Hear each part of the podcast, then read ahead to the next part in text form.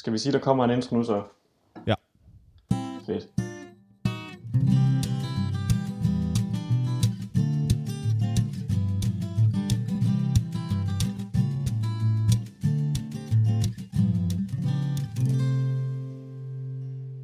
Goddag alle sammen derude, og velkommen til et lidt uortodokst afsnit, tør jeg vist godt at sige, her er Goddag Goddag nummer 23. Øhm, I dag sidder vi nemlig hver for sig i hver sin lejlighed, grundet den her meget specielle situation, hele verden jo faktisk er i lige nu. Velkommen til, øh, også til dig Henrik. Ja tak. Vi sidder noget mere end to meter væk fra hinanden. ja, det tør man godt sige. Det er helt rigtigt, at vi har fundet vores egne beskedne optage remedier frem, og sidder i hver vores lejlighed. Og skal prøve at se, om vi kan lave en podcast på den her måde.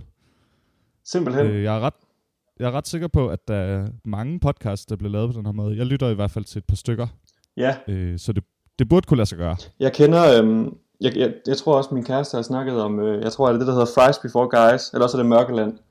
Der øhm, tror jeg nemlig også, de sidder hver for sig i hver sin del af landet. Øh, og det vi gør lige nu, det er jo, at vi snakker over, øh, hvad kan man sige, vores telefoner, altså ikke over øh, Skype eller noget, vi snakker simpelthen på gammeldags manér over et opkald. Ja, med, med vores telefonnumre. Ja, lige præcis. Og så sidder vi hver især og optager på vores egen computer. Og det jeg er jo lidt er spændt på, det er sådan forsinkelsen, når det hele bliver sat sammen. Fordi der er jo nok uundgåeligt en lille forsinkelse over de her telefonmaster. Men det må vi se, hvordan det går. Ja. Det, øh, det er jo trods alt lidt tid siden, vi har optaget, så derfor øhm, så var det jo en oplagt mulighed til at prøve den her, det her format. Det er jo i dag den, øh, Ja. den 28. marts, og jeg kan se, at sidst vi optog, det var simpelthen den 10. februar, så det er nogle dage siden. Det er noget tid siden, men vi holder os inden for månederne. Ja, sådan nogenlunde i hvert fald. Øhm, jeg synes, vi har jo gjort det i dag, at øh, vi har ikke, som vi plejer, en øl gange to, men i dag har vi to øl gange to, for vi har hver især købt to forskellige øl, men de er ens til gengæld. Det er nemlig de to samme øl, vi sidder med, så vi kan stadig tale om den samme øl. Lige nøjagtigt. Øhm, skal vi starte med den, øh, Den lyse, ja, den der ikke, den, den man kan se igennem flasken på. ja, det synes jeg, vi skal. den er også, Og det er, ja, du får bare lov. høj, den er højaktuel. Øh, det er ikke en specialøl, men det er, det er en øl, der har et navn, som, som er lidt op i tiden. Det, det Tør man godt sige. Det Ja. er jo, øhm, det er simpelthen corona-øllen. Det er den, der hedder Corona. Og- Og, og de har haft lidt problemer marketingmæssigt i den her tid. Det er rigtigt, ja. Øh, så vi har også på den måde prøvet at gøre økonomi øh, verdenen en tjeneste. Ja. vi har taget vores del af kagen Ja. med, at, med at støtte dem.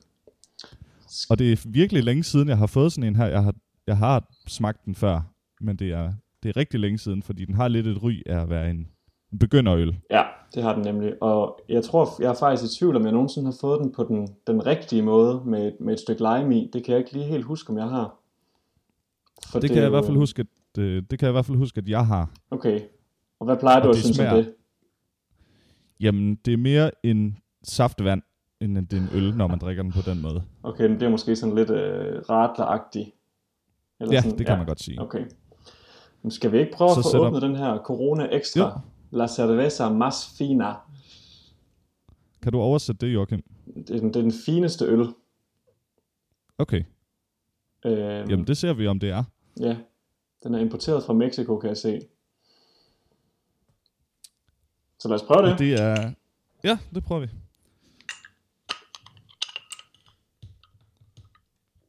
Og det er virkelig en usmart øh, oplukker. Min oplukker, det er, øhm, det er faktisk en lidt sjov en. Det er en, jeg ikke bruger så tit. Øh, det er, det er en, en oplukker, der er formet som en genøgle. Og det var simpelthen Men... Sådan en sød gave. Jeg fik den af, min, øhm, af en af mine fædre på min mors side. Øh, og dem ser jeg beklageligvis meget, meget sjældent. Fordi at øh, størstedelen af den side af familien bor på øh, Sjælland. Men vi var så til min kusines studentergilde, hvor at ham her fætteren, han var så var med. Og jeg har ikke set ham i måske endda flere år, i hvert fald mindst et år eller to. Og så kommer han hen til mig og siger, jeg har lige en lille gave med til Joachim, og så var det fordi, han faktisk havde hørt vores podcast, tror jeg. Og han vidste, at jeg gik Nå. op i øl, og så havde han købt den her øloplukker, som er formet som en genøgle til mig, fordi han lige tænkte på mig, da han så den. Ej, det er da sødt. Ja, det var super sødt. Jeg blev også sådan helt, ej, det var da, det, det var super sødt gjort. Så hvis, Er det en ung fætter? Jamen, han er fire år ældre end mig. Øhm, eller sådan fire og et halvt, tror jeg. Jeg mindes, han er fra øh, 2000, starten af 2001. Så øhm, Okay. hvis du lytter med, Philip, så tak for den. Jeg er stadigvæk glad for den. Men øhm, nu skal vi hælde op her. Har du et ølglas fremme? Ja, Fedt. det er faktisk sådan et Coca-Cola-glas. Okay, Men øh, der kan godt være øl nede i det. det kan der mod forventning godt. Ja, nemlig. Fedt. Nå, skal vi så ikke få hældt op, hvis ikke du allerede har gjort det? Jo, det man øh, tit gør, det er, at man tager en, øh, det har jeg så ikke gjort, men en, øh, en båd lime, og så sætter man det ligesom i flasken, så den sidder og stikker lidt op, og så hælder man. Nå, mens man hælder også. Ja, sådan at den ligesom bliver skyllet forbi limen. Mm. Jeg tror også, jeg har, det jeg har set, det er, at man får den serveret, hvis man køber den på en bar, med den her limeskive op i toppen, og så er det ens egen mission at trykke den ned i, hvis man så skal drikke den fra flasken af. Ah, okay. Men det kan være, der er forskellige... Øh, hvis den ikke skal drikkes af flasken, så kan man lade den passere limen i stedet for, på den måde. Det er jo ikke så let at drikke fra flasken, hvis den sidder og stikker ud. Nej, det er også det, jeg tænker. Nej. Lad os prøve at hælde op i vores glas her så. Jeg har snydt lidt, jeg har hældt op nu. Og for Sivan. Jeg sidder øh, med de gode gamle Ørbæk glas her. Nå, så er jo, som det skal være. Ja, lige præcis. Den kan faktisk lige præcis være i. Så det er jo en god måde lige at få Det- testet på, at det er en, øh, det er en 350 centiliters glas, det her. Milliliter glas. Ja. Nå, den, den lugter jo dejlig øh, almindelig. Ja, det må man sige. Øh, nu står der jo godt nok Corona Extra på flasken her. Er det, et, er det en speciel form for Corona, vi drikker, tror du? Eller er det bare navn på den almindelige? Det er faktisk ikke mig, der har været ude og handle den her øl. Nej. Øh, så jeg ved, jeg ved ikke, om der var en, der ikke hed ekstra. Nej, men jeg var der jo så selv i dag. Jeg, jeg havde jo, du havde fortalt, at det var din søde kæreste, der havde været over og, og handle ind for dig. Ja. Øhm, og de var endda på Men jeg går tilbud. bare ud. Nå, det var da heldigt. Ja, jeg tror, de kostede en 10'er, de her corona. Der var ikke mange tilbage af dem. Nej, men de er sikkert populære for tiden. og det er som en vildt. lille joke. Præcis. Og det her det er altså en med ekstra corona. Ja. Øhm, 4,5 procent. Det er jo en, det er jo en 3, 355 ml flaske. Det er lidt en sjov størrelse. Ja, den har også en meget karakteristisk form. Ja, det har den nemlig. Og den er ikke, den er ikke grøn. Det er en klar flaske i modsætning til almindelig flaskeøl. Ja. Og jeg lærte for nylig, at grunden til, øl almindeligvis er i en grøn flaske, det er faktisk fordi øl kan tage lidt skade af at få for meget sollys. Mm, ja, det giver meget god mening. Så de bliver simpelthen beskyttet af, at glasset er lidt mørkere. Ja, så kommer ikke så meget lys ind. Okay. Der står så også, på trods af, at der kun er 4,5% alkohol i, så er der jo grundet flaskens størrelse 1,1 genstand i. Uha. Ja. Og der er majs og ris i. Og ris også. Ja. Men der står, sådan, der står majs skråstreg ris, som om det kan være begge dele. De ved ikke helt, hvad for en det med. Jeg er ret sikker på, at der også er ris i den der øh, japanske øl, jeg tog med hjem. Og også, Den der Ja, øh, præsenteret. Asaki Super Dry, eller hvad den hed. ja, lige præcis. øh, så jeg ved ikke, om det tager lidt af smagen. Det kan godt være. Jeg synes i hvert fald, hvis man, har, øh, hvis man ikke har saltet sin ris nok, når man laver mad med ris, så, øh, så suger risen af smagen. Men øh, nu er det også lidt at dømme den på forhånd, fordi jeg har ikke smagt den endnu. Nu smager vi på den. Ja, lad os prøve det. Corona Extra. Og vi må lave et virtuelt klink. Ja. Jeg kan da lige sige. Mm. Sådan. Den er forfriskende. Ja, Mm. den, den er sådan meget... Øhm...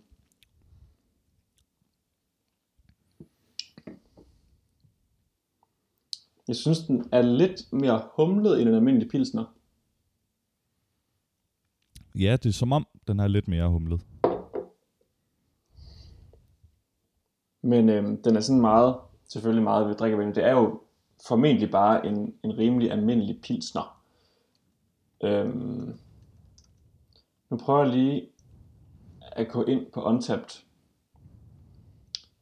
for at se, om jeg kan finde den her Corona Extra. Jeg forestiller mig på øh, medier som Untapped, at det ikke er en meget populær øl. Nej, altså igen- herinde der igen, får den er- faktisk øh, 3,08. Nå, den kan folk godt lide. Ja. Det er jo ikke en specialøl. Nej, det vil man ikke sige. På trods af, at den faktisk står i den øh, flanke i Føtex, der hedder specialøl.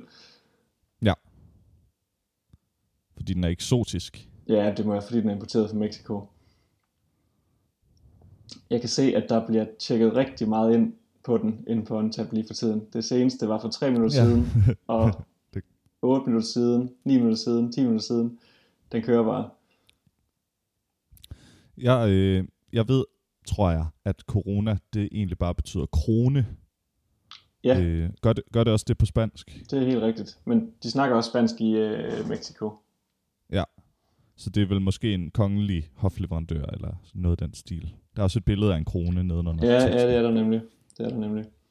Øhm, Og virusen har jo det navn, fordi den ligner sådan lidt en krone øh, med takker, der stikker ud til alle sider. ah, er det derfor, den hedder det? Det er det.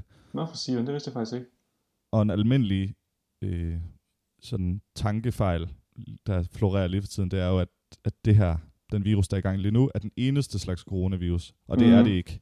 Nej, lige SARS præcis. var, SARS var en virus af samme type, som også har det her kalde navn. Ja, og det er derfor, den hedder COVID-19. Det er jo fordi, det er jo dens rigtige navn. Ja. Men den er bare Det- underordnet af den type af vira, der hedder coronaviruser. Lige præcis. Vira eller viruser, det skal vi måske tilbage til. Ja, nu fik jeg lige sagt begge to. Det kan godt være, at vi skal, skal gå videre fra, fra øllen, og så tale lidt om den igen senere. ja, lad os det. Lad os det. Men jeg synes da, at det, er, det alligevel er på sin plads at snakke om hele den her virusverden, vi er i lige nu. Ja, det skal vi. Man kan ikke, man kan ikke rigtig komme udenom det. Nej, og det er Selvom vi nok alle sammen er lidt trætte af at høre om den alle steder. Ja, Så der er, der er sgu ikke rigtig andet at snakke om. Nej, for vi, vi, vi, vi snakker, vi, vi, vi, øh, hvad hedder det, vi nåede jo lige at sige hej til hinanden på telefonen, inden vi trykkede optag her. Og der ja. blev vi også enige om, vi ved ikke helt, om vi når at fylde et helt afsnit ud på halvanden time, som vi jo plejer at have, fordi der sker ikke en pind i vores liv for tiden, stort set. Nej, Man sidder bare er derhjemme det. og kugler Det er det. og det er jo en, en mærkelig tilstand at være i, synes jeg. Øhm, når man lige glemmer at tænke over det, så kan man godt føle, at man bare sidder og har ferie. Eller i hvert fald, når man Ja. ikke har fjernundervisning, selvfølgelig. Hvilket man Ja. selvfølgelig passer. Men Det gør man. når man så lige kommer til at tænke over det, så er det jo en helt sindssyg situation, vi er i, at, at hele landet og nærmest verden er jo i lockdown på grund af en sygdom. Jeg kan også huske øh, helt i starten af det her forløb, der skrev du nærmest en meget øh, øh, excited besked, at det er jo helt vildt det her, vi skriver jo historie. Ja, lige præcis. Og sådan kan man jo også godt se det, som at wow, hvor, hvor er det på en måde spændende. Mm. Men det meste af tiden, der glemmer man lidt at, at nyde det. det lyder også forkert. Ja, ja, for det er jo uanset om det, øh, om det er spændende, og det er historie, der bliver skrevet, så er det jo også en forfærdelig ting, for der er folk, der dør af det. Rigtig mange Ja, endda. Det er, det er den ene side, øh, at det er meget forfærdeligt for nogen. Og så for os andre, der er det bare røvkedeligt. Ja, Så det er, det er også øh, det er svært, hvordan man lige skal forholde sig til det. Og for mig personligt, så skifter det meget, ja, mine følelser omkring det. og der er jeg helt enig. Fordi så nogle gange, så læser man om, at okay, der er faktisk også unge mennesker, der dør af den. Men så andre dage, så er det kun gamle mennesker, der dør af den. Og sådan, jeg tror, det er svært at forholde sig til, hvordan det er, når man ikke har det inde på livet selv. Ja. Og sådan er det jo med mange ting i virkeligheden. Men vi er jo cirka... Øhm, er vi to uger inde i karantænen nu? Det må vi være. Ja, det var på mandag, at det hele... Det var faktisk i går, det hele skulle have åbnet op igen. Så fremt, at øh, vi havde overholdt den første to ugers periode. Ja, men tror du ikke, at det var blevet kørt videre, uanset hvor godt vi havde overholdt det?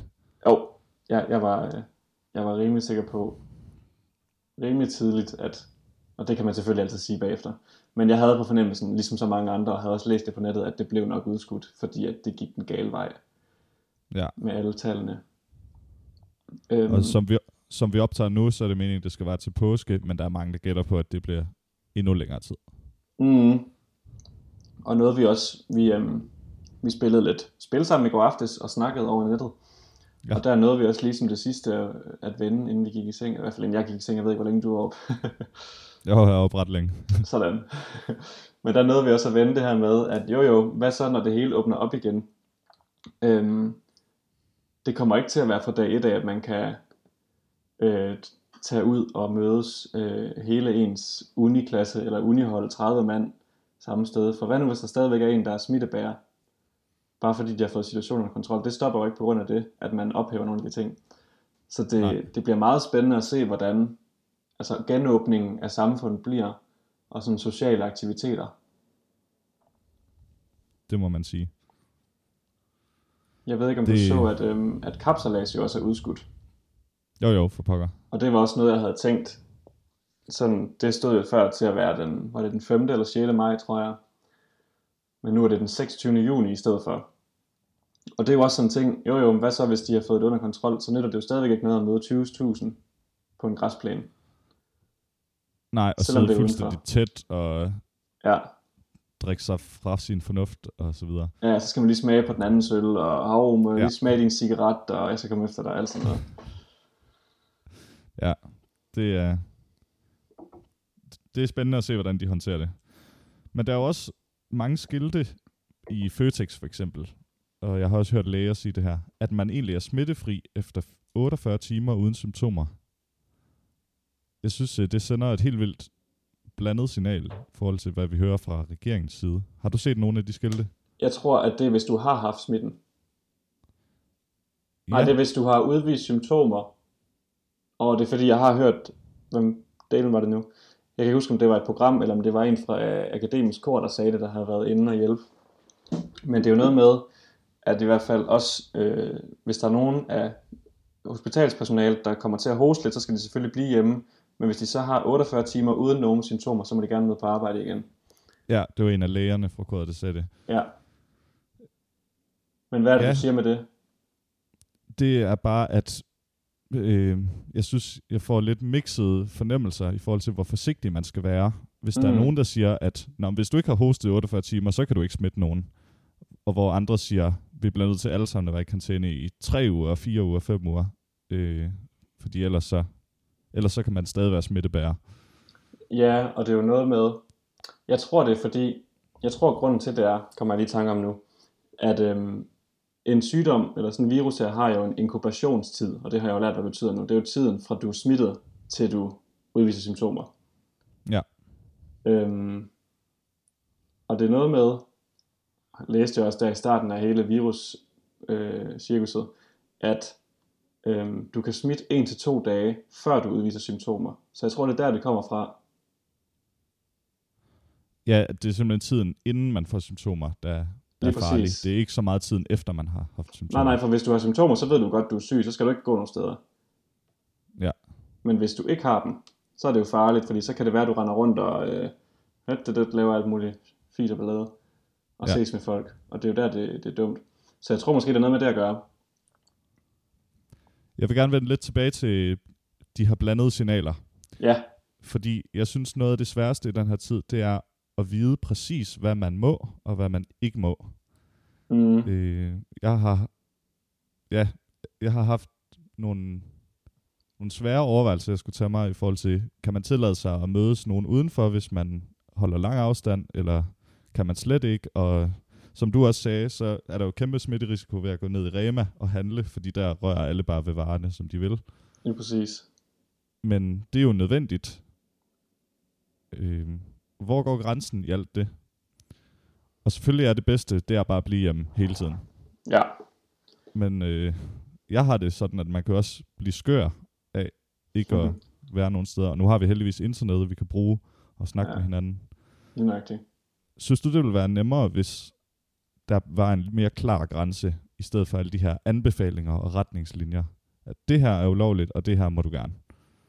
Øhm, det vil selvfølgelig blive mere politistatagtigt, men ja. hvad, hvad tænker du? Jeg tror helt sikkert, at, øh, at folk vil have nemmere ved at, at være... At, nej, det vil nok gøre det sværere at være i, hvis du vidste, at du faktisk overhovedet ikke må gå udenfor, medmindre det er for at gå i supermarkedet eller på apoteket. Øh, eller lægen så, så vil folk jo blive sindssyge, for så skulle man nemlig sidde loven af hinanden hjemme i lejligheden. Ja. Men så vil man jo, altså så vil man skulle vide, hvad man skulle. For det er rigtigt, det er meget svært at vide, om er det okay, hvis jeg, øhm, hvis jeg sætter mig to meter fra min kammerat inde i skoven, eller går en tur øh, halvanden meters afstand med en eller anden kammerat, er det okay, så længe vi ikke krammer og sådan noget. Og det er helt vildt Ja. svært. Og ja, det er det virkelig. som vi jo snakkede om, så har jeg jo øh, mødtes med folk med afstand, hvor jeg har siddet og snakket med dem, eller den anden dag var jeg ude at løbe med en kammerat, hvor vi også, vi rørte ikke ved hinanden, vi sagde bare hey, og så løb vi, og så snakkede vi lidt med noget afstand bagefter, og så tog vi hjem igen. Det er, men det er jo netop fordi, at ellers så bliver man sindssyg. Men det er mega Ja. svært. Det synes jeg virkelig også. Men Når uden det tvivl, hedder- det klogeste er at blive hjemme. Det kan man ikke Ja. komme udenom. Når det hedder anbefalinger og retningslinjer, så føles det næsten som om, at man godt kan trække den lidt. Nå, men de anbefaler 10 mennesker, men vi kan godt lige Lige præcis. mødes til. Altså ikke fordi jeg har gjort det. Jeg synes, jeg har prøvet at være rimelig heldig omkring det. Ja, Men det er meget, det er meget forskelligt, hvor, hvor motiveret jeg er til at vise samfundssind. det forstår jeg godt. Og i dag, der er jeg ikke lige, øh, der er jeg ikke lige den bedste borger, der kan jeg godt bryde de her regler. ja. hvad hedder det, um, jamen det, og det er svært, og det er også det der med, at var det 100 personer til at starte med, der var grænsen. Mm. Eller først der var det 1000, var det ikke, og så var det 100, og nu er det 10, eller sådan noget af den stil. Ja. I hvert fald, der var også, der var den der 100 mands ting, så var det også sådan, Nå, men hvis der bare er et eller andet event, hvor vi så kun har øh, 95 inviteret, så er det okay. Ja. Og der er det sådan lidt, nej, det er jo ikke det, der er ideen. Det er jo princippet i, at man skal møde så få som muligt hele tiden. Ja. Og jeg tror også lidt, det er det, man skal tage med sig. Altså, jeg synes, det er okay, at, nu er det jo også, fordi jeg selv har gjort det, at for eksempel mødes med en og løbe en tur, eller gå en tur, så længe man bare, ligesom på alle andre tidspunkter, og når man er nede og handler og sådan noget, er opmærksom på, okay, ikke noget med at komme tæt på hinanden, hold afstand, ikke øh, nys eller host, eller spyt i nærheden af den anden, eller sådan noget. Ja. Men jeg tror også, man har brug for at komme ud. Og det er jo også til at blive sindssygt af, at vejret det, de her, den sidste uges tid jo har været fremragende. Det har været Ja. solskin alle dage. Og virkelig flot forårsvejr. Altså så er man sgu nødt til at komme ud i det. Og vi to er jo så heldige, at vi har øh, en kæreste, som vi bor med, som vi er sammen med hele tiden. Og så er det jo bare, så har man selvfølgelig den person at spare med hele tiden. Men jeg har, Ja. synes, det er træls for dem, der ikke har det, og de har lov til, eller skal have lov til at komme ud og gå en tur med en kammerat, synes jeg. Sådan. Ja. Det synes jeg også. Men det er, det, det er meget svært. ja. Og det er super akavet, at man ikke må kramme. Helt vildt. Jeg var hjemme for at fejre min fars fødselsdag øhm, i slutningen. Nej, var det, er det to weekender siden, tror jeg. To eller tre weekender siden. Nej, det må være to weekender siden. Lige da, lige da det der skolerne var lukket og sådan noget. Ja. Øhm, og det var også sådan lidt med blandet følelse, men vi var enige om, okay, vi har ikke været sammen med nogen siden det her, det her, det her, så vi kan godt tillade os at, at mødes. Men stadigvæk med forbehold, for der var heller ikke noget med at kramme mine forældre, og det var mega underligt. Ja. Det har man jo altid gjort, når man har set dem. Så det var bare sådan et, et nik. Og så øh, dag. Også da man skulle sige farvel, det, det var sgu mærkeligt. Har I nogle øh, påsketraditioner, der er blevet aflyst? Øhm, ja, vi skulle have mødtes med min mors familie, tror jeg. Hvilket som sagt er meget sjældent, det sker. Så det var ærgerligt, det blev aflyst. Ja. Øhm, men jeg tænker, det bliver udskudt. Og så skulle tror, er vi også øhm, have været i sommerhus med Maries forældre, min kærestes forældre. Og det ved. Ja. vi ikke helt endnu, om vi gør. Det, det kommer lige an på, hvordan det hele ser ud. For det kan også være, at vi bare tager ned til dem og besøger dem, hvis, øhm, hvis vi føler, at vi ikke har været sammen med nogen i den uge inden da. Ja. Havde du nogle planer? Nej, ikke, øh, nej, ikke som sådan. Mm. Øh, men jeg tror, der er mange, der har. Og det er jo også derfor, politiet har været ude at sige, det, det er godt vejr lige nu, og det er snart påske, højsæson for at mødes. Ja. Lad nu være. Præcis. Og det er jo også, de havde snakket om det der med sommerhus, og det er jo både med risikoen for, at der har været folk inden da i sommerhuset, der kunne have været smitte, men også det her med, at de siger jo generelt faktisk, at man ikke må forlade der, hvor man er, fordi de vil gerne have altså lokaliseret og sendt, sådan, hvad hedder det, centreret smit, smitten, smittespredningen sådan de samme steder, sådan at der ikke er en eller anden, hvis der er nogen i København, der har det, så tager de det pludselig til Skagen, og så tager de det med derop for Ja, eksempel. præcis. Øhm, men det er sgu noget møg. Der er mange, der mister mange penge, også øh, på sådan noget sommerhusleje, hvis ikke de kan tage afsted. Der er mange, der ferier mister mange og- penge på alt muligt. Ja, det er ret vildt, synes jeg. Men øhm, der er ikke så meget at gøre. Nej, der er ikke så meget at gøre. Man kan Der bare er, nogen, der siger, at, øh, der er nogen, der siger, at det her det er en god test til menneskeheden, fordi lige pludselig så kan der komme en epidemi, som er man til, bare hvor dødeligheden er meget højere.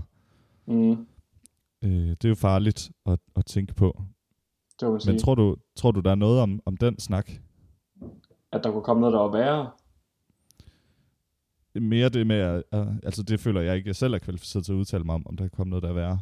Men at, at det er godt med en test, eller at, at det kan ses som en test. Nå, det er det sådan et lille gratis forsøg næsten, selvom der er folk, der ja, dør. præcis. Ja. Okay. Øhm, nej, men den kunne, den kunne også sagtens have været mildere, men jo, det er da måske, det er da måske fint. Ikke at der er folk, der dør, men det er, jeg tror, det er en øjenåbner for mange, øh, i forhold til, hvad man er i stand til som samfund, og også hvad sådan Mm. regering er i stand til at gøre, og har magt til at gøre. Det er lidt vildt Ja. at se. Øhm, Helt vildt. Men jo, forhåbentlig vil. Jeg tror også, at hvis... Det har jo også været den måde, regeringen har håndteret det på, at til at starte med, det var jo først, da der var øh, omkring 50 smittet, tror jeg, i Danmark, at de sagde, at der var smitterisiko i Danmark. Øh, inden da, der havde de jo bare sagt, ej, du skal ikke være bange. Ingen, ingen fare. Mm. Øhm, men det er også igen svært, fordi, og det er nemt at være bagklog, for man læser mange artikler om, at uh, reagerede Danmark hurtigt nok, og så sagde de nej til nogle testkits fra Sydkorea, eller hvad det var. Og øh, så var ham der, Søren, kammeraten, ham der sundhedsfætteren, ja. ja, var ude og sige øh, nærmest beklage og sådan noget. Men altså, jeg synes alligevel, det, det, de, har gået, de har gjort det fint. Sådan det Ja. hele taget i betragtning. ja. Man kan godt blive lidt misundelig på Sverige, der ikke har karantæne. Men øh, det vil vise sig ret snart, om, om de også klarer den lige så godt. Ja, det er jo det. Men øhm, jeg synes, det eneste jeg faktisk, der irriterer mig rigtig meget, og det er selvfølgelig igen, ser bort fra det, at der er rigtig mange forfærdelige dødsfald, og det er selvfølgelig det mest forfærdelige ved hele krisen, at der er rigtig mange, der mister rigtig mange penge af virksomheder, der kan risikere at lukke, og folk, der ikke tjener penge med løn. Men det er rigtig ærgerligt for os i den forstand, at vi mister nogle fag på uni, vi havde glædet os rigtig meget til. Ja, det er den beskedne måde, det lige rammer os på. Ja, det er jo en bagatel, men det er alligevel træls. Og det er jo nok Hvordan den synes- værste konsekvens, det har for os. Hvordan synes du, det har fungeret med Zoom, som er det program, vi bruger til at lave virtuel undervisning? Ja, altså vi kan jo lige fortælle, at vi har det her korfag og klaverfag, som er samlet under et, men som er to forskellige timer i ugen, hvor vi får undervisning i kor i at skrive arrangementer og at synge det, og i klaver får vi undervisning i at spille til fællessang, og sådan bruge klaveret til sang sammenhængen. Ja. Øhm, og jeg synes, at det er meget mærkeligt. Ja, altså, jeg synes ikke, jeg synes ikke det fungerer vildt godt, desværre. Nej. Det er jo også bare to fag, hvor at det er det praktiske, der er sådan i fokus, kan man sige, og det, det hele går jo tabt i det, når vi skal sidde hjemme i vores stuer Ja. og snakke i stedet for. Øhm, Men jeg kan, jeg kan hilse sige, at øh, de fag, vi har på engelsk, som er sådan nogle snakkefag, de fungerer lige så dårligt, synes jeg. Nå, okay, gør det virkelig det? Det ved jeg ikke, om du har haft den samme oplevelse på spansk. Nej, for jeg havde ikke fået at vide, vores ene undervisningsteam på spansk, der har været indtil videre, og den anden, den øh, var ikke relevant for mig. Så jeg har ikke været til noget fjernundervisning på spansk endnu. Okay. Men hvad var dårligt ved det på engelsk? Det, der er altid bøvl med teknikken, for det første. Og professorer er ikke kendte for at være færme med at få teknik Nej, det kan man ikke sige. Nej. Øh, der er rigtig mange, der ikke møder op. Øh, Okay. bare flowet i undervisningen er helt svært. Og så tror jeg, at mit eget problem er, at jeg kan bare ikke koncentrere mig lige så godt. Jeg sidder bare og zoner ud. Mm. Lyden er dårlig. Det, det føles bare ikke det, som at være til undervisning. Nej, men det er også det der med, at når, nu har jeg selvfølgelig kun erfaring fra vores egen timer, men når underviseren siger, ja, ja, vi holder ikke rigtig nogen pause, men I kan bare gå ud og tage en kop kaffe, når I vil, og sådan noget. Altså, så bliver det sådan meget laissez-faire, og Ja, altså, når, hvis det ikke er vigtigt, at jeg bare kan gå ud og tage en kop kaffe, eller gå på toilet lige når jeg har lyst, så er det også sådan lidt, hvor vigtigt er det hele så, hvis jeg kan gøre det. Har du øh, et eller andet emne med, som ikke handler om corona, Jon, øh, Joachim? Fordi det kunne jeg faktisk rigtig godt tænke mig at komme lidt væk fra, hvis vi på nogen måde kan. Ja, lad os prøve at forlade corona, coronaverdenen for en stund. Jamen, vi har jo snakket øh, tidligere lidt om øh, forskellene på porter og stout. Det var da du havde din øh, gammel, gammel Carlsberg. Var det en porter, eller hvad var den hed? Der stod gammel Carlsberg porter, og så nedenunder stod der Imperial Stout. Var det ikke sådan, det var? Der stod nemlig begge dele, ja. Ja. Har, du- har du tjekket op på det? været, Jamen, jeg har nemlig fundet lidt ud af, hvad det er. Øhm, for eksempel skriver Øl at Akademiet, at, at, øhm, at udtrykket bruges lidt i, øhm, i flæng, eller navnene, for der er ikke rigtig enighed om forskellene, og om der overhovedet er en forskel. Men det er noget med, at, øhm, hvordan er det der? Porter brygges typisk med lidt mørkere malttyper, men stout brygges med ristet byg, og derfor kan stout nogle gange få en kaffeagtig smag. Det Okay. har noget med ristet byg at gøre åbenbart. Men det forklarer sig selvfølgelig stadig ikke, hvorfor at begge dele stod på den, du havde med sidst. Nej. Men Ølakademiet her, uanset hvad det er for en, for en side, så skriver de i hvert fald, at de, de, de vælger at lade porter og stout udgøre en øltype. Fedt. Så øhm, det er nok nogenlunde det samme. Skal vi lade det være en overgang til at vurdere den her corona-øl? Ja, lad os det, lad os det. Øhm, nu var det jo far, det er altid farligt at gå ind. Det er ligesom at læse en opgave, som man selv vil skrive en, der minder om, og så læse den en andens opgave inden da. Ja. Altså, for jeg var inde og kigge på scoren, den har fået den her jo. Og det er jo, det er jo ikke smart. Men, altså det er, det er svært med sådan nogle pilsner her, som det jo er, eller en lager. Ja. Står Igen, der faktisk to sider af samme sag. på. Ja, lige nøjagtigt. Øhm, de er jo meget simple. men Ja, jeg det skal jo at ikke smage meget. Nej, det er det. De skal bare være øh, ja, en helt plain øl. Sådan en sommerlæsker. Mm. Og der er, er jo, en, der er jo varmt man i kommer hjem- Mexico. Jamen, det er der også. Jeg tænker, en pilsner, det er sådan en, der er, altså, det er sådan en, man altid lige har i køleskabet. Øhm, det er sådan en, der er god, hvis man kommer hjem fra en arbejdsdag. Øh, uanset hvornår på døgn, der kan du tillade dig at knap en pilsner op, når du kommer hjem fra arbejde. Ja. Stort set. Hvis man er til siesta, for eksempel. Ja, lige præcis.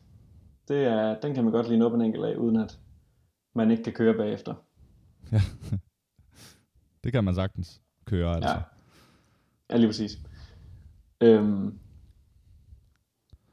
Jeg synes sådan set ikke, den er dårlig. Øh, overhovedet ikke. Den er frisk. Den er lidt sød i forhold til andre pilsnere. Ja, det synes jeg også. Men det gør ikke noget. Overhovedet ikke. Det kunne have været sjovt at smage den, fordi jeg ved ikke engang om det her med lime. Altså, er det noget, som Corona øh, bryggeriet, eller den fabrikanten her, er det, tror du, det er noget, de anbefaler, eller er det noget, som der sådan er, er, er sket efterfølgende? Det er et godt spørgsmål. Øh, jeg kan jo ikke oversætte det, der står på flasken. Nej, altså der står ikke, det, der, Nå, der står noget på dansk på Der står bagsiden lidt faktisk. på dansk. Der står lidt på dansk. Distribueret af Carlsberg står der også. i øvrigt. Ja, lige nøjagtigt. Corona.com kan man gå ind på. Ja, Øh, det er et godt spørgsmål. Må ikke, altså, må ikke det er sådan lidt er kommet sideløbende, at nogen har måske prøvet sig frem med det, og så har firmaet selv taget ideen med sig. For jeg har da set reklamer for corona, hvor der er en lime i, eller på en eller anden måde ved glasset. mm. Men det er et godt spørgsmål. Det er lidt hønen eller ægget, tror jeg. ja lige præcis. Jeg har fundet det lidt- lidt på nettet. Ja. Der er faktisk en New York Times artikel om det. Og de skriver, at øh, der, der er forskellige teorier til, hvorfor at man øh, putter lime i.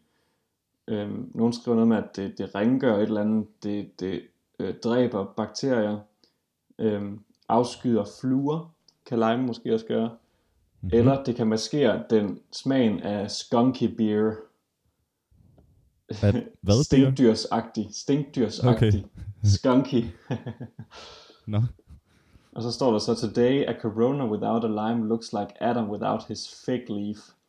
Jeg ved så ikke, om artiklen er sponsoreret af corona. det ved jeg heller ikke. Så jeg ved sgu ikke, om øhm, det lader ikke til, at det er noget, som de selv har fundet på. Men Fordi den så er, kunne man jo godt have forestillet sig, at de havde brygget den med henblik på, at der skulle en lime i. ja. Men den er ret god som podcastøl. Ja, den er meget let, let drikkelig. Ja. Øhm, så det er lækkert. En sludre øl. Ja, jeg kan ikke give den en særlig høj score, taget i betragtning af de andre scores, vi har givet. Nej, det bliver nok heller ikke en femmer fra mig.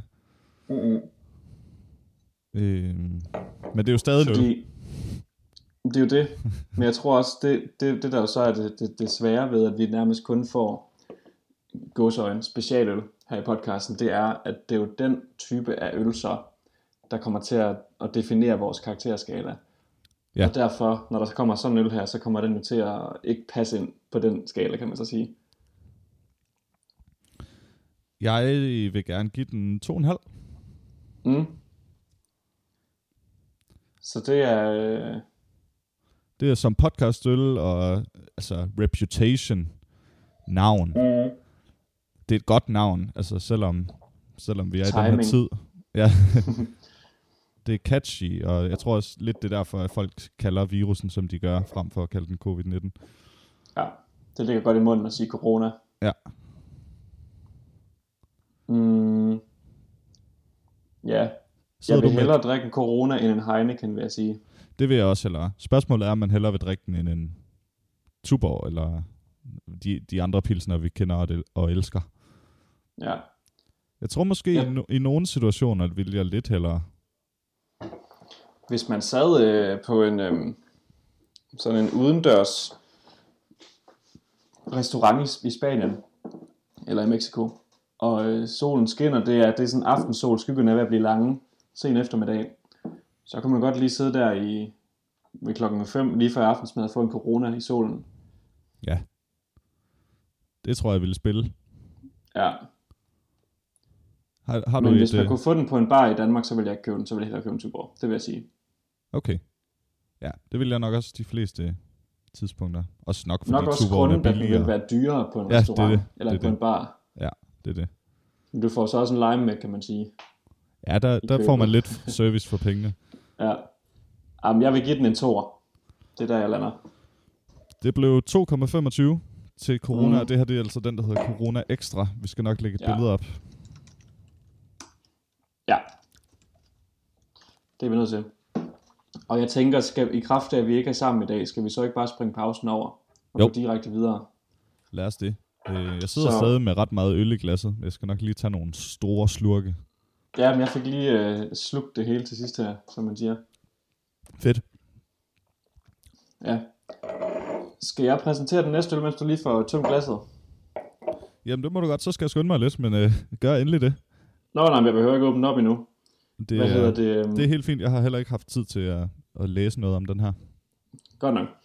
Det er, øhm, det er jo også en øl, som øh, Henriks kæreste har, øh, har købt øhm, i Føtex. Og øh, da jeg var derovre, der måtte jeg lige scanne den, fordi du havde sendt et billede af den inde på Facebook, så jeg kunne finde den rigtige. Men når man går ind og øh, søger på den her på OnTap, så kommer der en række forskellige frem op. Det, er- den hedder øh, G de Gaudal. Så det er en, altså den her Gaudal-serie, som vi jo har fået fra før. Lige præcis. Og så hedder serien Grand Cru. Og der er en perlerække af de her Grand Cru. Af, øhm, og bryggeriet hedder faktisk ja, Brasserie Gaudal. Det er et fransk bryggeri. Ja. Men der er en perlerække af de her Grand Cru'er, og der, de har forskellige navne. Og Henrik, lige for at være sikker, du har den i hånden lige nu, har du ikke? Hvis du vender flasken om, der står der med noget blå skrift, der står der Grand Cru, og så står der noget nedenunder, der står der også Ublon Fantasia ved dig. Det gør der, så det var heldigt. Fedt. Skide Tror, godt, for det er- jeg tror, jeg har fundet frem til, at det er den, der, øh, der definerer, hvad det er for en. Mm. Fedt.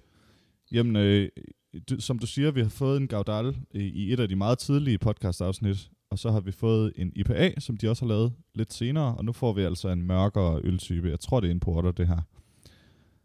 Øh, og jeg, jeg føler lidt, at det, det her det bliver lidt hipster, men jeg, jeg føler lidt, at vi var first movers på Gaudal, fordi da jeg fandt den nede i Føtex tilbage for halvandet år siden, der stod mm. alting jo på fransk, og den var, den var ret dyr, og det var den eneste, der var, og jeg havde aldrig set den før på det tidspunkt. Og så synes Nej. jeg, jeg har stødt på den et par gange siden da. Der har været et par julefrokoster, hvor nogen har sagt, hey, kender I den her? Ja, lige præcis. Øh, jeg tror, den har vundet lidt vind i sejlene, siden, øh, siden første gang, vi anmeldte den. Ja, så det er det, ret fedt. Det synes jeg, vi kan være meget stolte af, faktisk. Ja, men, og, og jeg synes, det, det kan vi sagtens. For det er, det er nogle gode øl, og jeg vil sige, altså design af den her flaske, den er igen i top, ligesom øh, Gaudal IPA'en, vi jo fik. Ja, det synes jeg også, det, det ligner er. jo, det er sådan lidt en blanding af ja, Gaudal IPA'en, vi fik, og så i virkeligheden også, øhm, hvad hedder den, her Togian. Det er sådan lidt deres barn, det her. Den matte flaske. Ja, præcis. Men den er ikke i uh, keramik, den her, for der er ikke en, en, en lærbund, der er bare det er mm. en form for tyk glas, tror jeg stadigvæk. Ja, men helt mat, og den er jo kejleformet, ligesom de andre Gaudal øl. Ja, og man kan ikke se igennem den heller. Overhovedet ikke. Og det er ligesom en svane, svanehals. Ja, det er præcis. Øhm, og så lidt i samme stil som øhm, Westfleton, så hvis man kun kigger på forsiden af den, så er der faktisk næsten ingenting. Der er kun lige et, et lille sort mærke nede i bunden, hvor der står det her Gaudal, det, eller G de Gaudal, og så Grand Cru. Så ja. jeg får lidt West Fleton referencer. Ja, helt klart. Det er fedt med minimalistisk design, synes jeg. Ja, det der ser nogle, super godt ud sådan i supermarkedet.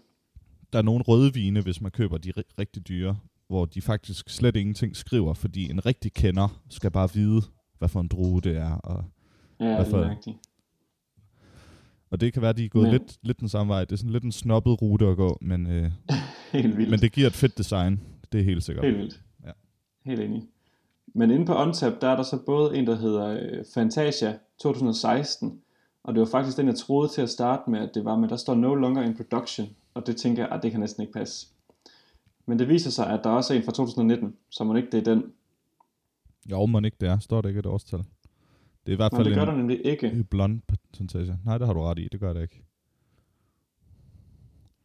Det, øhm, så det er sådan lidt spændende. Hvis du, finder din, øh, hvis du finder din G-nøgle frem, så har jeg min Leatherman her. Fedt. Må ikke det er den fra 2019, vi skal gå ud fra? Det går vi ud fra.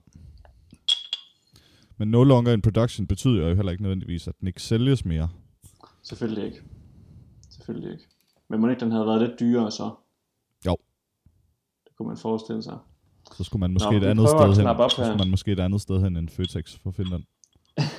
ja, lige præcis. Vi prøver. Den lugter virkelig meget malt. Gær. Mm, ja. Og den er faktisk ikke så mørk, som jeg troede. Det kan være, det er en triple. Ja, jeg kan lige prøve at gå ind og se, øh, fordi flasken nævner jo ikke meget om, hvad det er for en øltype. Nej, det kan man ikke sige. Men øh, inde på OnTap, der står der, at det er en, en dobbelt, en dubbel, belgisk dubbel. Okay, dubbel de plejer at være mørke. Og så bliver ja, den lysere igen. det er faktisk rigtigt.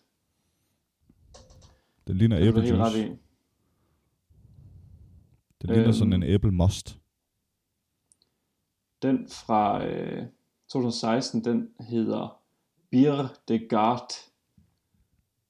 Hvad det så er. Jeg kan lige prøve at se, om folk har lagt billeder ud af den fra 2019. Det kan sgu godt være, det ikke er den. Den ser godt nok lidt mørkere ud på nogle af billederne. Sådan lidt mere orange måske.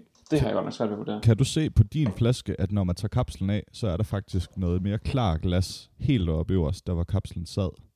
Ja, det er rigtigt. Så det er næsten som om, de bare har spraymalet den med kapslen på. ja, det er lidt rigtigt. Især hvis, man, øh, hvis man kigger helt tæt på, så ligner det faktisk sådan en spray. Øh. Ja, sådan at det bliver sådan pulveriseret, eller sådan tyndere og tyndere på toppen. Ja, lige præcis. Det er da sjovt. Det kan da godt være, at de bare har givet den en tur med graffitipinden. Det kan da godt være. Men det ser godt ud. Det er jo meget jævnt. Det ser skide godt ud. N- øh, 7,9 procent.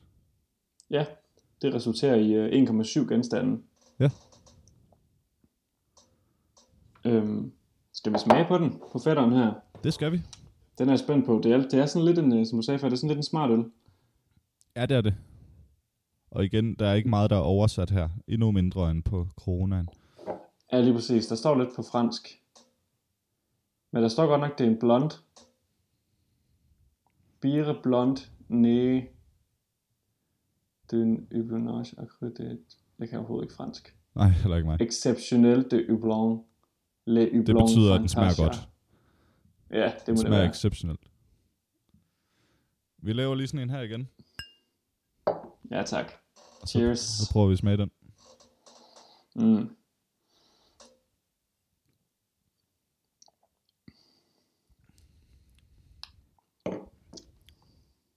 Mm. Er sådan meget frugtig faktisk. Eller sådan, Ja. ikke IPA-frugtig, men... Den smager mørk. Mm.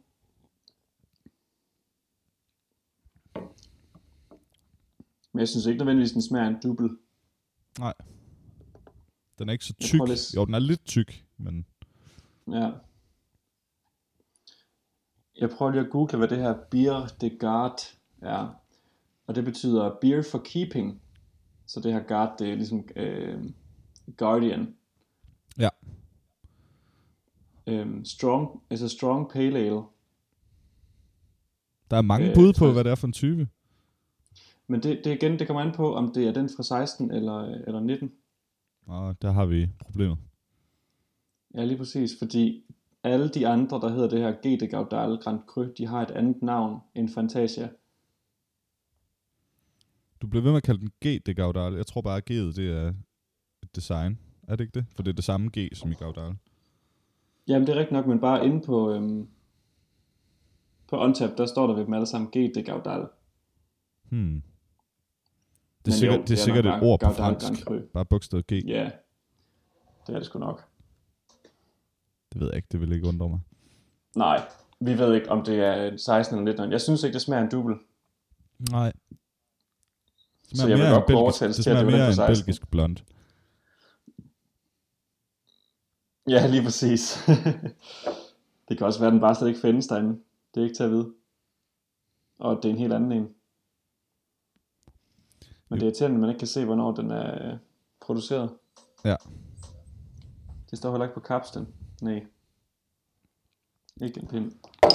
Har jeg sagt i podcasten, at jeg synes, det er så lækkert, at de begyndte at lave pant på øh, alle slags flasker. Ikke kun de... Jeg kan sgu ikke huske, om du har nævnt det, men det er rigtigt.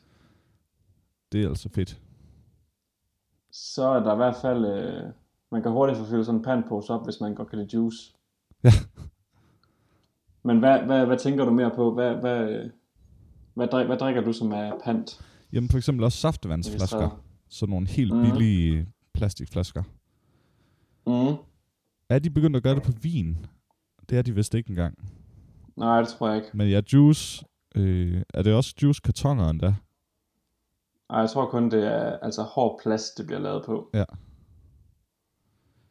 Men, Eller bare plast. En gang, der var Fordi det kun... kartoner, det er jo sådan noget pap.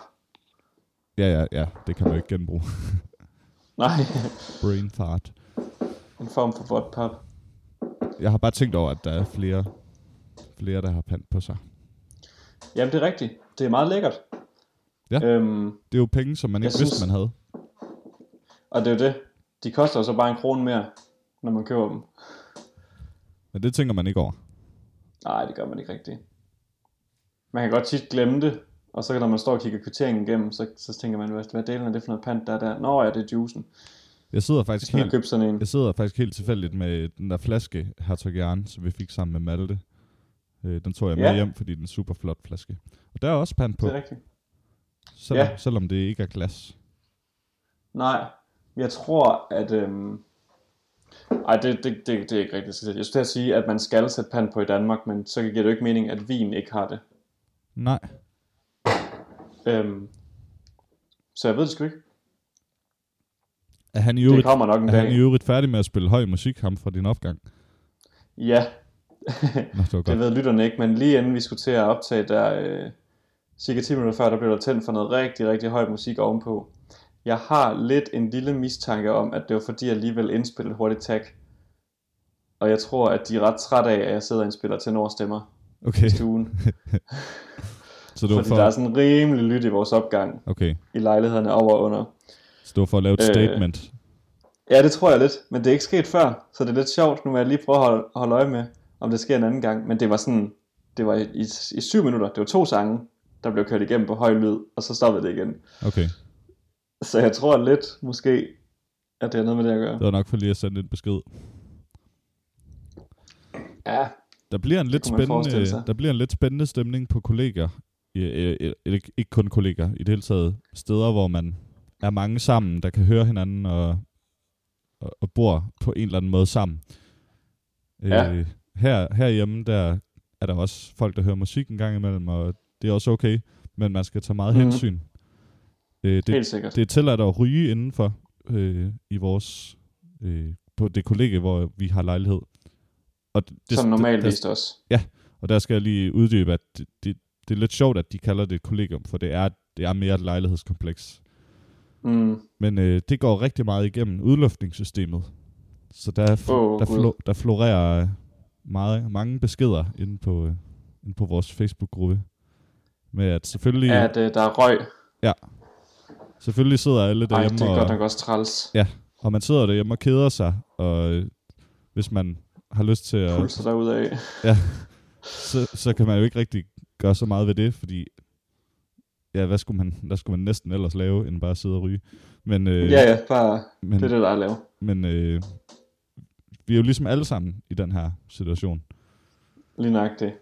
Så hvem, Så man er også nødt til at vise lidt respekt og bare være sådan, eller være overbærende. ja, man bliver nødt til at lade den gå Måske. begge veje. Altså man bliver også nødt til at være overbærende den anden vej, at hvis nogen for eksempel har lyst til at høre musik, eller ryge, eller øh, øh, larme på anden vis, Ja, så må man også lige tænke, nå ja, men vi skal jo have tid til at gå alle sammen.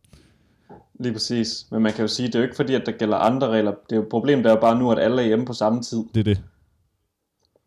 Og det er jo det, der stiller nogle spørgsmål, eller nogle problematikker i gang. Jeg kan sige, at vores tørretummel, den er også, den er normalvis så er den svær at få fat i i weekenderne. Nu er den altid svær at få fat i. Den Ja. er hele tiden optaget, hvis man skal vaske håndklæder eller sengetøj.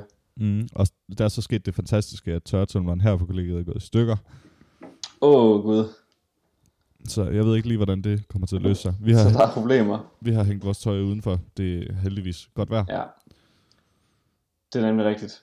I bor også øh, i en højde, der er til at have med at gøre, så man hurtigt lige kan komme ud og, og hænge vasketøj op. Ja, vi bor i stueetagen. Ja, så det er dejligt nemt. Ja. Det er også, det glæder jeg mig sgu til, til, når jeg en dag flytter i hus. Det er at få en have med tørrestativ, Der er også et eller andet, hvor man bare øh, kan gå ud og sætte det op. der er et eller andet ekstra friskt ved at få dynebetræk ind, som har været ude at hænge. Ja, men det er der nemlig. Det lugter altså bare bedre. Ja. Sådan en hel, mm, eller en dyne, der også lige har fået lov til at få en god tur udenfor. Ja. Det er rigtig lækkert. Men mærker, øhm, mærker I til det her røg i jeres køkken? Ja, det gør vi. Og, okay. og vi har også øh, diskuteret med hinanden, hvordan man lige formulerer sådan en besked. Ja, Og jeg er kommet med et skud på den. okay. Øh, og det er vist blevet bedre. Øh, det er en 4-5 dage siden, jeg skrev noget. Og øh, vi, vi, Og så kan det være, at folk er stoppet lidt. vi har ikke været så generet af det. Der er mange forskellige bud. Ind, inde På hvordan man skriver en besked, eller hvad? Facebook-side. Ja, fordi der er flere, der, der ligesom har, har meldt ind. Og nogen Ja. skriver, hey, øh, I er rigtig søde alle sammen, men der er bare lige den her lille ting, og jeg håber bare lige, og, og nogen skriver med sure emojis. Stop så med at ryge. det stinker okay. på hele første etage. Ja, hold nu op, mand. Men er det fordi, at de, de gør det under M-hætten, og så går det ud i et eller andet, tror du? Jamen, emmehænderne på det her kollega er lidt sjove. Det er som om, de altid er tændte. Og så når man tænder den, så bliver den ligesom rigtig, rigtig tændt og larmer. Okay. Der er, der er et eller andet lidt, lidt i vejen med det. Så jeg tror lige meget hvad, så vil det, så vil det gå igennem. Okay. Der er også nogle Det gange, skal no- også irriterende, at folk ikke bare kan gå udenfor, altså. Der er nogle gange nogen, der ryger nogle lidt sjove ting også. Modtaget. Så det, det er også lidt det, at aggressionen, tror jeg, man kan kalde det. Så det kan I også lukke nogle gange Ja. måske. Ja vel. Nå, men det er da også... Så kan man få sådan en lille rumkoger på. Ja. ja, det, det er jo bare gratis, vel? Ja, men, En, en, en gratis hash øh, ekstase. ja, Det kan man jo ikke klage over. det er fedt at, øh, at vurdere det prismæssigt. Ja, At nå, men det her, det vil koste nogle penge, hvis det, så det må jeg hellere være, være Ja. tilfreds med. hen og, hen og stå og suge ud af, af, af mænden, Ja. ja. hvor det kommer fra. Fuh, ja. Ja. Nå, jeg synes, vi skal bevæge os ind i, øhm, i dette, denne afsnitsudgave af Sprogkorner. Ja, for vi har et sprogkorner. Ja, det har vi. For det, er jo, det har man jo altid. Det har man altid lidt af. Og så inden vi sætter jinglen ind, så skal jeg jo vide, om det er ugens ord eller dagens ord. Nå ja, det kan jeg faktisk lige finde ud af. Øhm, jamen, vi skal først have, øh, have dagens ord, tænker jeg. Det kommer her.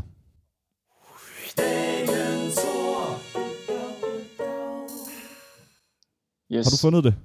Jeg har nemlig fundet det, ja. Og øh, dagens ord, det er øh, cas, carpaccio.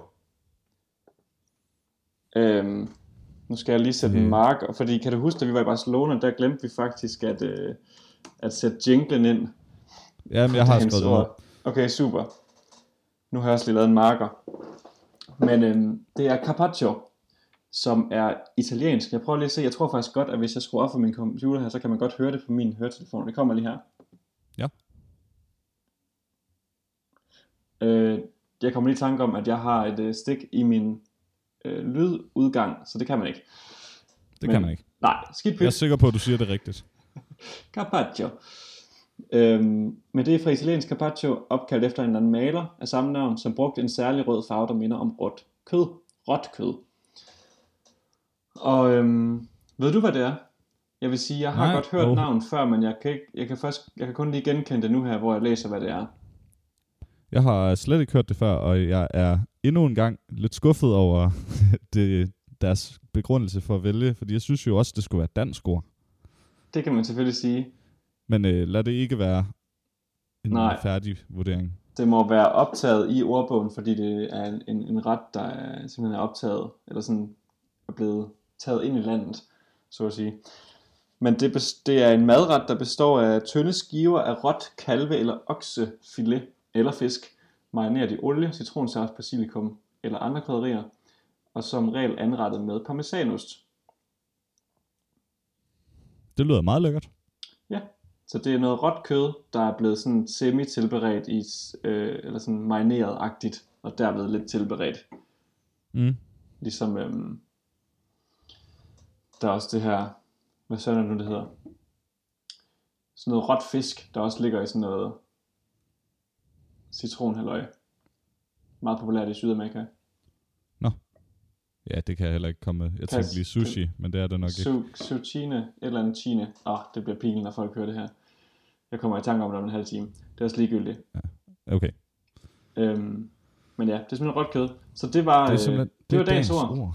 Ja, Sjovt. lad os hoppe flux videre til ugens ord, og jinglen, den, øh, den smider vi ind her omkring.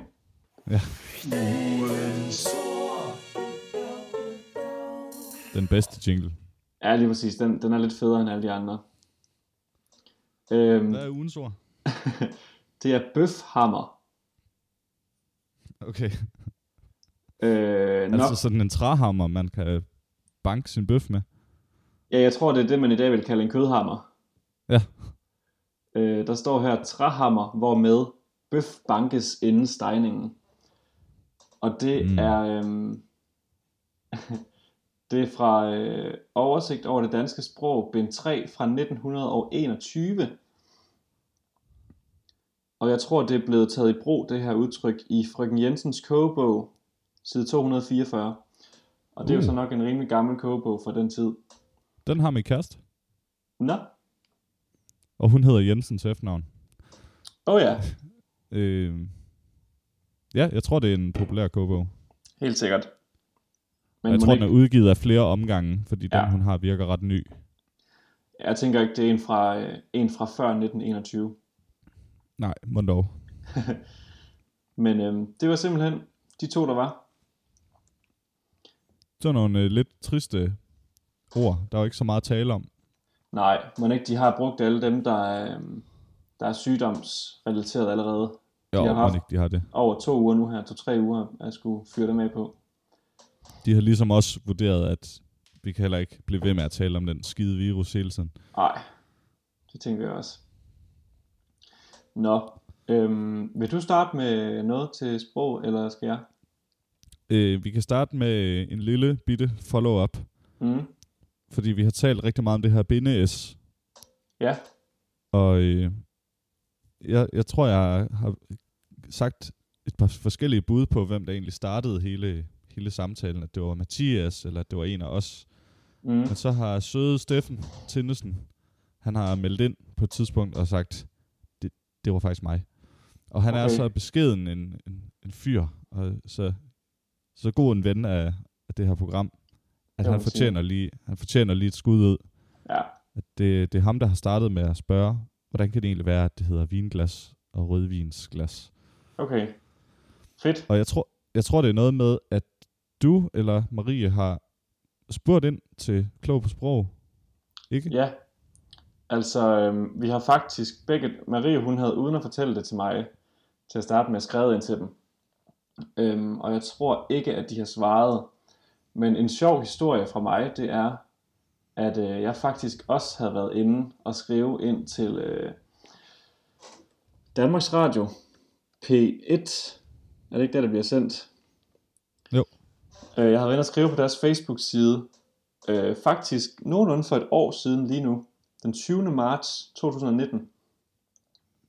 Og der skrev jeg til dem, hej, hvordan kan man sende spørgsmål ind til Klog på Sprog, hvis det overhovedet er muligt? Med venlig hilsen Joachim.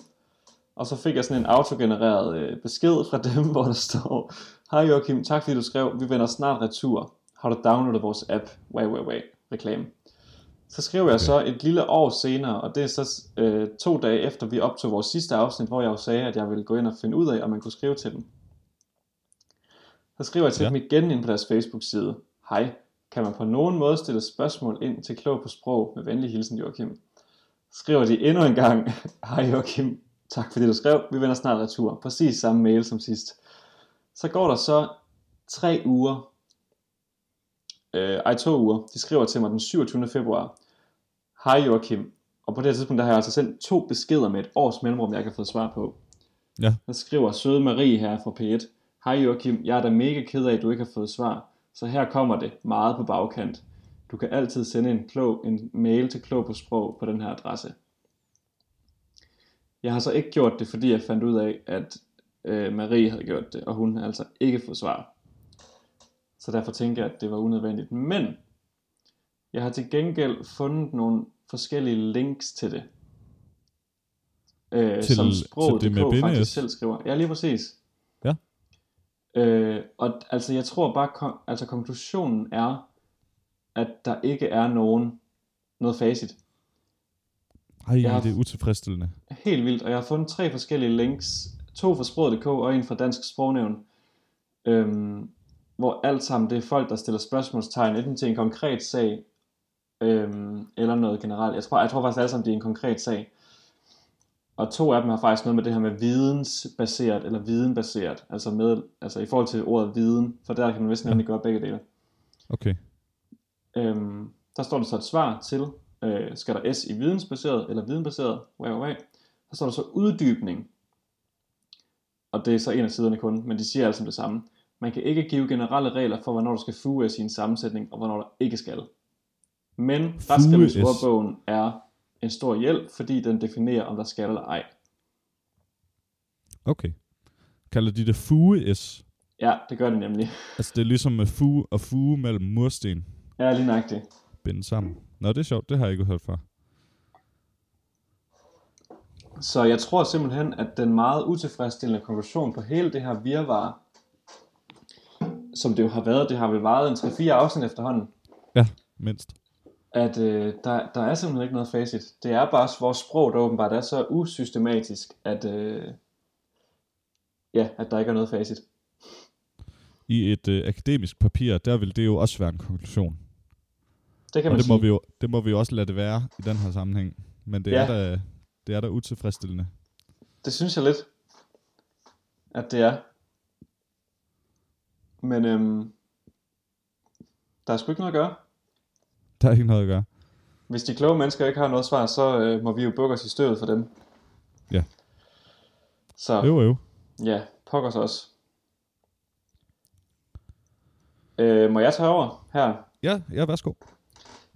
Noget jeg har, det er bare en lille, øh, sådan, en lille, et lille etisk spørgsmål.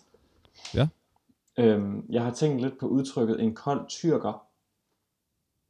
Aha. Det ved, det ved vi jo godt begge to, øhm, hvad betyder. Ja, det Og tror det jeg gør de også. fleste, jeg fleste tror, de nok. fleste danskere gør, ja. Ja, Lige præcis.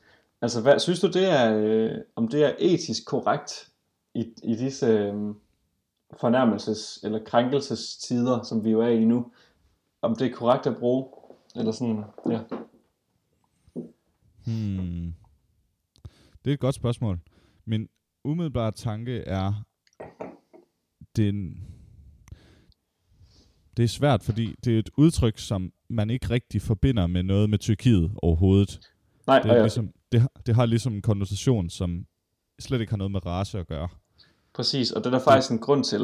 Det er, der, det er bare blevet helt sin egen ting. Øh, hvad, ja. Vil du sige, hvad den grund er? Ja, det er også lige så meget for ikke at kaste dig under bussen, øh, sådan du ikke bryder dig ud af et eller andet åndssvagt.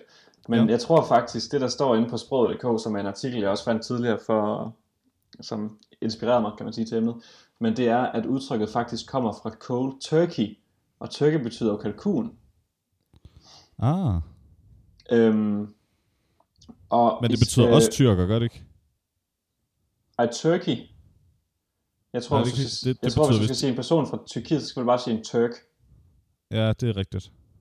Øhm, men man bruger jo i dag sådan udtrykket meget i flæng, som om, at det bare er, at man skal afvende sig fra noget meget pludseligt. Men Ja. i sin oprindelige forstand, der var det, at man skulle afvende sig fra narkotika uden nedtrapning. Ja. Altså sådan meget pludseligt. Ja. Øh, og forklaringen på det kan være så, at man kan få gåsehud, som også kan være kolkunhud, åbenbart, i nogle Nå, ja. kontekster, øh, hvis man Okay. får abstinenser. Så det er, øh, hvad kan man sige, det, det er forklaringen. Og så er spørgsmålet så, om det har været en, øh, en bevidst morsomhed, som sproget.dk også skriver her, om det har været en bevidst morsomhed at oversætte det til kold tyrker, i stedet for kold kalkun, eller om det har været en oversættelsesfejl. Ja, det er sjovt.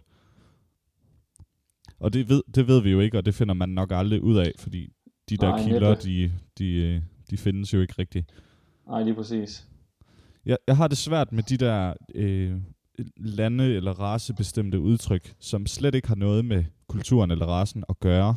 Det er ligesom bare et ord, der dækker over et eller andet fænomen, og så har det tilfældigvis et navn, der har noget med et eller andet race eller nogen mm. fra Mm. et land at gøre. Der findes mange eksempler på det. Øh, jeg ved ikke lige, om man kan komme i tanke om andre ting. Det, det bedste eksempel, jeg har, det er, at vi kalder også en bestemt akkord i barbershop for en Chinese. Ja, det er rigtigt. Øh, og øh, der er der flere af, der er der flere af sådan nogen. Jeg kan ikke lige komme i tanke om nogen. Jeg kom sådan til at tænke på grønlænderstiv. Ja, okay, den er min, lidt mindre i orden. Ja, det er den nemlig, for jeg kan huske, at Ja. lige da det blev optaget i ordbogen, der var der nemlig, øh, i hvert fald, jeg kan huske, der var noget med God aften Danmark og Godmorgen Danmark, men nogen, der nemlig var utilfredse over, at, at det altså var blevet optaget, og det var selvfølgelig nogle grønlændere, der var inde og snakke. Ja. Øhm, forståeligt nok, at det er krænkende. Ja. Men man Det kan sige, det har, det det har jo så også en decideret øh, person, personlighedsbeskrivelse. Eller sådan ja. en tilstandsbeskrivelse, men en kold tyrker, det er jo ikke, det er jo ikke en tilstand, det er jo et, et begreb, kan man sige, eller et, ja, en, kan man sige et fænomen. Ej, det er ikke et fænomen. Det er måske bare et begreb. Pludselig Og det er jo, det er jo nærmest en øh, positiv betydning. Altså hvis man prøver at Ja, afvende sig fra sige. noget skidt. Det er selvfølgelig også at strække den og, og sige det. Men, øh, Ja. Men det er rigtigt. Nå, men det er, det er også bare lige for at vende øh, kold tyrker. Men jeg tror Ja, også, du ja. har nok ret i, at det er i kraft af, at man ikke overhovedet associerer, associ, associerer ja. det med øh, etniciteten tyrker. Så øh, kan man ikke tillade sig at sige, at den ikke går. Så den er okay. Jeg, jeg tror, jeg synes, den er okay, men jeg kan godt forstå øh, problematikken. Ja, det kunne være sjovt at spørge en, en tyrker, en rigtig tyrker, Ja. hvad de synes. Det må vi lige gøre en dag, hvis vi støder, i- støder ind i en. En rigtig levende tyrker. Ja, de må findes. De må være rundt omkring. Der skal man huske at hilse på dem. Ja. Nå. Øhm, ja, Bebop, bebop, skal man jo så sige. er det sådan en øh, pauseklovn? Eller pause...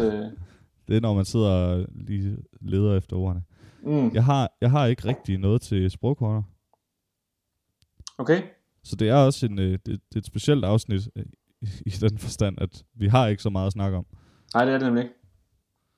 Øhm, jeg har, og det har faktisk overhovedet ikke noget med, med sprogkorn at gøre, sådan i virkeligheden. Men jeg har åbenbart alligevel sat det ind nogenlunde under sprogkornet. Vi kan også bare sige, at sprogkornet er slut nu, og så øh, tager vi lige den her som øh, næsten afslutning på programmet. Ja. Det er øhm, nemlig noget, der hedder skuddag. Åh Ja. ja, Jeg kan dele med ikke huske, hvornår det var, der Altså, jeg var, øh, måske var det, da jeg var i byen en dag og mødte nogle fremmede mennesker, som fortalte mig, vidste du godt, at i dag det er skuddag, og det var den 24. februar, og jeg tænkte, hvad delen snakker du om? Det passer da ikke. Ja. Det, er da den, øh, det er da den 29. februar, Ja, der er skuddag. den- den har jeg også øh, haft mine kvaler med, den der. Ja, som jo er den, det er den 29. februar, der ligesom bliver skudt ind, så at sige. Øhm, så du kender måske allerede forklaringen. Nej, nej, det gør jeg faktisk ikke. Okay. Kom, kom endelig med den. Ja, det er fordi i gamle dage, der var det ikke øhm, januar, der var den første måned. Der var det øh, en anden. Men nu ved jeg faktisk ikke, om det er det, der er svaret her. Jeg har fundet noget inde på natmus.dk, som jo er Naturmis- Naturhistorisk Museum. Ja. Og der står her, i det gamle Rom var der kun 23 dage i februar, som var årets sidste måned. Jo, så havde det noget med, at marts det var første måned. Derfor gav det god mening, at hver at skuddagen blev lagt her som den 24. februar. Det vil svare til, at vi havde indført en 32. 20. december hvert fjerde år. Øhm, men Julius Caesars kalender var heller ikke helt nøjagtig, og efterhånden var forskellen, forskellen mellem kalenderåret og det astronomiske år blevet 10 dage. Derfor blev der i 1582 indført en ny kalender, den gregorianske, og det er så vist den, vi bruger i dag, så vidt jeg lige Det er det. husker. Ja, det er det. Paven slettede 10 dage for at få det hele til at passe igen. I 1582 blev torsdag den 4. oktober til fredag den 15. oktober. Way, way, way, way, way. For at gøre kalenderen mere nøjagtig, skulle der samtidig udlades skuddage i de år, der ender på 00, men ikke kan deles med 400. Og det er så derfor, står der her, at år 2000 var skudår, men år 1700, 1800 og 1900 var ikke. Ja. Så forklaringen er simpelthen, at i gamle dage, hvor at det her med skuddag, skudår blev indført, der var det marts, der var den første måned, og der var kun 23 dage i februar. Okay. Men så blev det hele skubbet. Jeg synes stadig ikke, det er helt tilfredsstillende, når folk Nej. prøver at bilde ind, at den 24. er skuddag. Nej, det er jo, Også den, det- den, den er der jo altid. Ja, hvis det har så gamle rødder, så synes jeg godt, at det var en tradition, vi kunne droppe. Mm. Øh, jeg, jeg vidste ikke det der med, at, at året engang startede ved marts. Det retfærdiggør jo en lille smule de her navne med, at oktober burde være den 8. Lige nøjagtigt. None november burde være den 9. december. Deci betyder noget med 10. Og september, Ja, 7 september. præcis. Eller septim, hvis man også kender musik lidt. Det er der mange af vores lyttere, der gør. Lige nøjagtigt. Øhm, det er nemlig det, og det kan jeg Det vidste huske, jeg det var også meget tilfredsstillende for mit hoved at finde ud af, at det, at det hang sammen på den måde, at der netop var det her september 7, oktober 8, november 9, december 10. Altså, det er nogle begreber, vi kender i- på grund af musik nemlig. Ja. Og måske også matematik for nogens tilfælder. I hvert fald med Det Deci. Ja, præcis. Deciliter kan deles til 10. Ja. Så det er, det er forklaring på, hvis der er nogen, der af en eller anden grund lige pludselig hører nogen sige, hov, det er skuddag den 24. Og du tænker, ah, kan det da passe? Jo jo, den er god nok. Den er god er nok, men det det. er, det er et gammelt, Ja, en gammel begrundelse. lige præcis. Jeg sidder godt nok og bøvser noget, og man kan sige bagdelen, eller bagsiden med de her mikrofoner, jeg bruger nu. Jeg bruger begge de to mikrofoner, vi sad med i Barcelona. De sidder fast på min skjorte, som jeg har taget på i anledning af, at, Vi øh, at vi skal optage her, så de kunne sidde på, min, øh, på maven her. Det er godt, du så pænt tøj på til det. Ja, Men bagsiden, det er jo så, man, normalt der kan vi jo sådan lige vende hovedet væk fra mikrofonen, når jeg skal bøvse af alt der øl, vi sidder og drikker. Det kan jeg ikke nu, for de sidder altså fast på min krop. jeg optager med en øh, bøvsevenlig mikrofon. Så det er, det er den, vi plejer at bruge, SM58. Ja, lige nøjagtigt. Så måske vi lyder lidt forskelligt, men øh, det forstår folk nok godt. Ja, og det skulle vi måske i virkeligheden have sagt i starten af afsnittet. Men øh, vi håber, Ja. at folk har hængt på alligevel. Øhm, synes du, det er svært sådan at, at komme i ordentligt tøj nu her i de her dage, hvor man ikke rigtig skal udenfor? Ja, det synes jeg. Jeg øh, har gået ret meget i natbukser, Mm, øh, og sådan haft det samme tøj på i mange dage. Lidt for mange dage, synes min kæreste måske også. Øh, Ja, ja, det synes jeg. Det synes jeg, det er. klart. Jeg, jeg er helt enig. Jeg kan huske, da vi havde undervisning nu, det er jo øh, det er lørdag, da vi optager den 28. Det ved jeg ikke, om jeg fik sagt tidligere. Det Marts. tror jeg. Øhm, da vi havde undervisning i torsdags, da vi havde korundervisning, så at sige, inde på Zoom. Sad du i underbukser der? Nej, det gjorde jeg nemlig ikke, men der Okay. gjorde jeg nemlig det, at jeg ligesom kom i, øh, i cowboybukser, som jeg plejer at gå med, og jeg tog øh, også en ren trøje på, og øh, hele baduljen, så jeg virkelig følte, at okay, nu tager jeg altså noget tøj på, som jeg vil også have kunne tillade mig at gå udenfor. Og det, gav, det gjorde det sådan lidt mere, okay, nu kan jeg rent faktisk stole agtigt Det er ja. Og virkelig det var egentlig en, en god følelse. Ja, det er en god idé. Øh, jeg, jeg gør det meget tit, hvis jeg har været forkølet og har ligget i min seng helt vildt længe. Og så hvis jeg vågner og tænker, i dag føler jeg mig mere rask, så det gør jeg det, at jeg tager ordentligt tøj på. Fordi ja. Det gør et eller andet mentalt ved en. At okay, nu er jeg faktisk klar til at møde verden, selvom man måske ikke skal noget den dag, så gør det et eller andet mentalt. Helt sikkert, det er Så det er meget også- korrekt. Det er også et tip til, til de her tider, karantænetider. Ja. Jeg har også læst, at det samme det gør sig også gældende, hvis man øh, simpelthen har en, en decideret depression. At det kan være, øh, for det er jo sådan noget med, nu her 7 i 13, bank under bordet, aldrig haft en øh, depression. Nej, heller ikke mig. Øhm, Øh, Men at det er jo sådan noget med, at man simpelthen slet ikke kan få sig hævet ud af sengen, fordi at det hele det er bare rigtig, rigtig øv, og man har ingen energi, og ja, hele den smør, der kommer med. Men der har jeg også læst på nettet, at noget, der kan du til det, det er simpelthen også det her med at bare tage tøj på, fordi så har du alligevel lavet en eller anden bedrift den dag, og så det giver bare lige sådan et eller andet til psyken, tror jeg. Ja. Ja. Så det er, det er rigtig rart at komme i tøjet, Jeg selvom tror man bare skal øh, tage time derhjemme.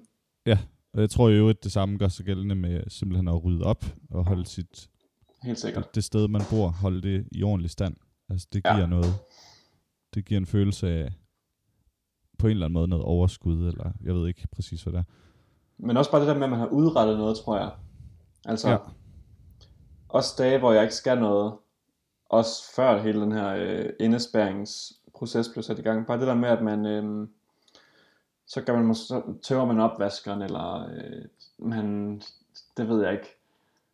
Bare for ordnet et eller andet, man måske har haft på en eller anden to-do-liste, som bare lige får krydset et eller andet dag, så dagen ikke har været fuldstændig uden nytte.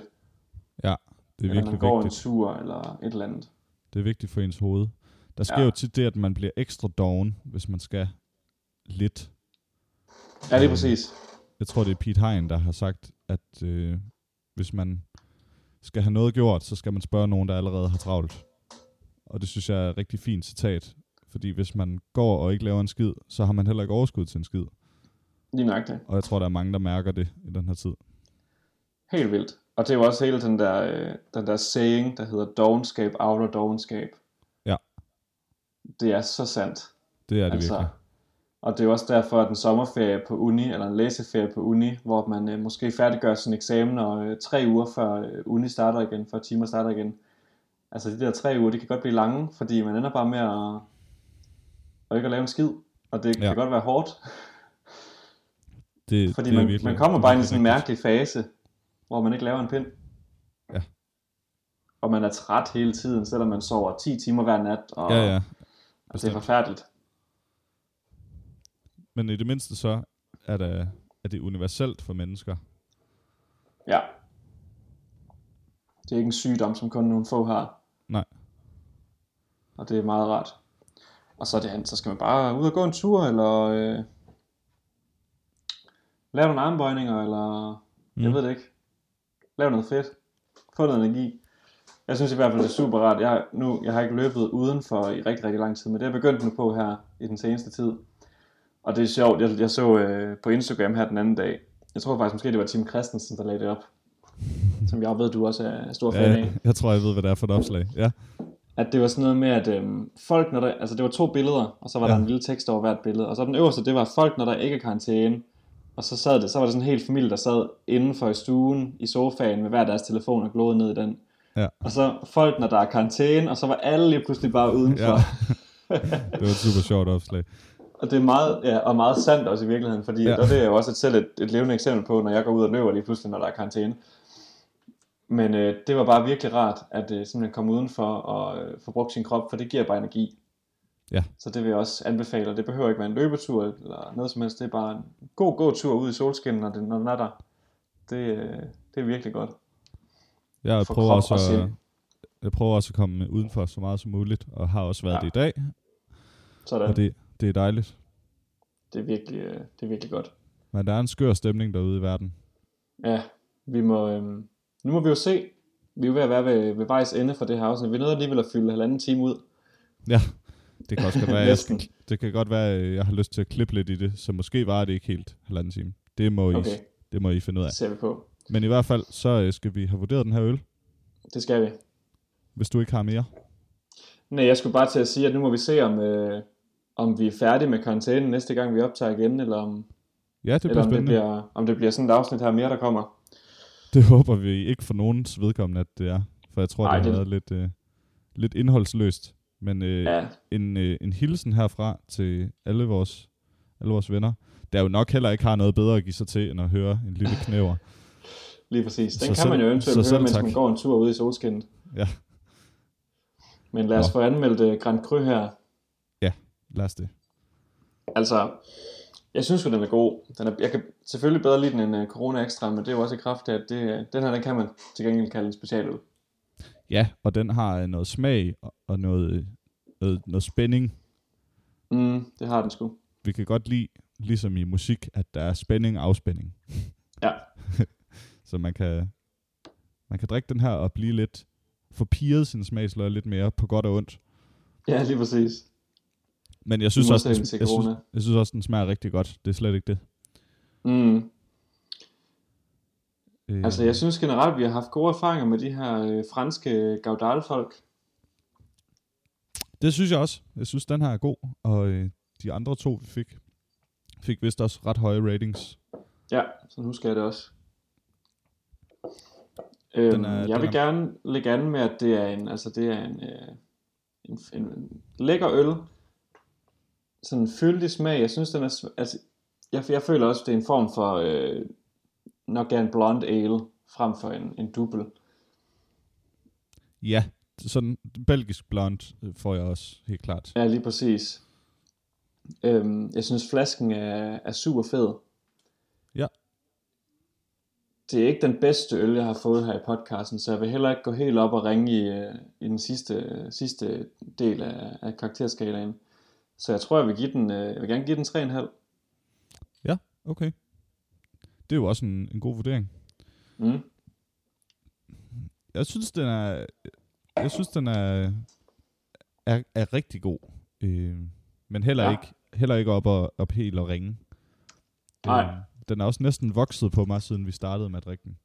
Jeg synes, den har alligevel, selvom den ikke er så tyk, som jeg sagde, så er den meget, meget rund. Mm. Smager virkelig godt. Øh, og bliver ved med at smage godt. Og, og e- den har ikke en, en øh, grim eftersmag. Den, den, sidder, ikke. den sidder godt i munden. Og jeg er også, ligesom dig, rigtig vild med, med designet. Så jeg er oppe og give den en, en 4,0. Okay. Jamen, det var også de to, jeg vekslede mellem, vil jeg Ja. sige. Det forstår jeg godt. Øhm, og det er også en styrke ved den her øl, det er, fordi nogle, nogle øltyper kan man godt sådan, når man kæmper sig igennem en hel flaske alene, Mm. selvom den her kun er 33 cl, så kan man godt nå at blive træt af den. Det er det. Øhm, øh, nu fik jeg jo i går en, øhm, en øl fra Rema, en triple, fra den, der hedder, øh, jeg tror det er Gourmet Bryggeriet. Jeg ved ikke, det er noget Rema sælger. der står bare GB, og så var det en triple. Ah, dem kender jeg godt, ja. Og det var sådan 75 centiliter svin. Så da jeg havde kværnet den, der var jeg jo kommet igennem 4,7 genstande eller sådan noget. ja. Og det er altså også sådan, den skal man dele med en. Ja. Fordi det var også måske lige i overkanten at tage den selv. Men den her, den, den kan nemlig det, at den smager godt hele vejen igennem, og man når ikke at blive træt af den, og det synes jeg er rigtig, øh, det er rigtig ret. Ja. Men det er jo også vilkårene i disse tider, at man må drikke en øl alene. Præcis. Og Også drikke selvom det det er hele 75 alene. centiliter. Ja, præcis.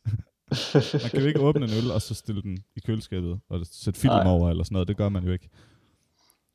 Nej, det gør man altså ikke. Jeg kan huske, da jeg var yngre, der havde mine forældre sådan en, øhm, du ved, ligesom de der IKEA-flasker, man kan få, hvor der er sådan en prop på, man sådan kan sætte i spænd, så den er over åbningen på flasken. Ja. Der havde mine forældre den der, selve kun den der spændeting, til at nemlig at sætte på glasflasker med brus i, som skulle holde sig friske. Det kunne Ah. være øl eller øh, sodavand på glasflaske, eller... Det tror jeg faktisk også, mine forældre havde. Ja. Ja, du siger det. Så kunne man lige klippe, klippe den på toppen af flasken. Ligesom. ja lige nøjagtigt. Så- Lige nøjagtigt. Ja. Det var meget smart. Det er på en måde meget smart, men man, man, man drikker lige hele øllen, når man har åbnet den. Og det, gør er også man, det, det jeg, gør man. Nu har jeg nogle gange ønsket mig sådan en vinting, en vinprop til at sætte i, så man kan sætte den øh, i, i dvale over natten til dagen efter, man igen... Hvornår åbner man nogensinde en flaske vin og ikke får den tømt på aftenen? Lidt oftere end en øl, tror jeg. Ja, Ja, men det er tit er det sådan, hvis man, hvis man åbner en flaske vin for at putte det i maden, så, så drikker man jo resten til maden. Sådan plejer det at være. Ja. Det er kun, hvis man har de der jumbo-flasker. Var det ikke Jonas Bjørner, der havde jumbo-flasker med til nytårsaften? Jo. var det, Hvor det var på, øh, var det halvanden liter, eller? Ja, det tror jeg. ja. Det var også en spændende aften. Ja, men det, det udviklede sig jo. Godt. Ja, Det blev øh, 3,75 til Gel de Gaudale Grand Cru. Vi tror, det er 2019'eren. Ja. Det, øh, det, det, må, det ved vi ikke helt. Nej. Men øhm, den var i hvert fald god.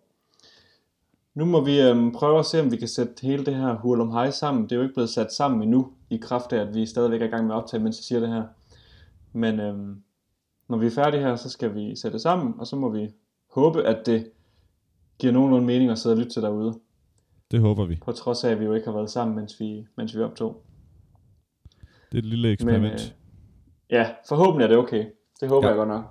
Også mig. Men skal vi ikke sige uh, tak for nu her fra afsnit, uh, afsnit 23? Det siger vi. Tusind tak, fordi I lyttede med til dette lidt indholdsløse afsnit i en, Lige en, præcis. tid, en tid, hvor vi må, vi må hjælpe hinanden med underholdning. Ja, og stå sammen hver for sig, som Mette siger. Ja, ja nemlig. Sådan set Så et det meget fint ordene. citat også. Hvad siger du? Sådan set et meget fint citat også. Ja, det synes jeg også. Og jeg synes også, det er en god måde lige at, at slutte af på. Ja. Så lad, lad, det være, lad det være det for i dag. Og så øh, lyttes vi med næste gang. Hej hej. Hej hej.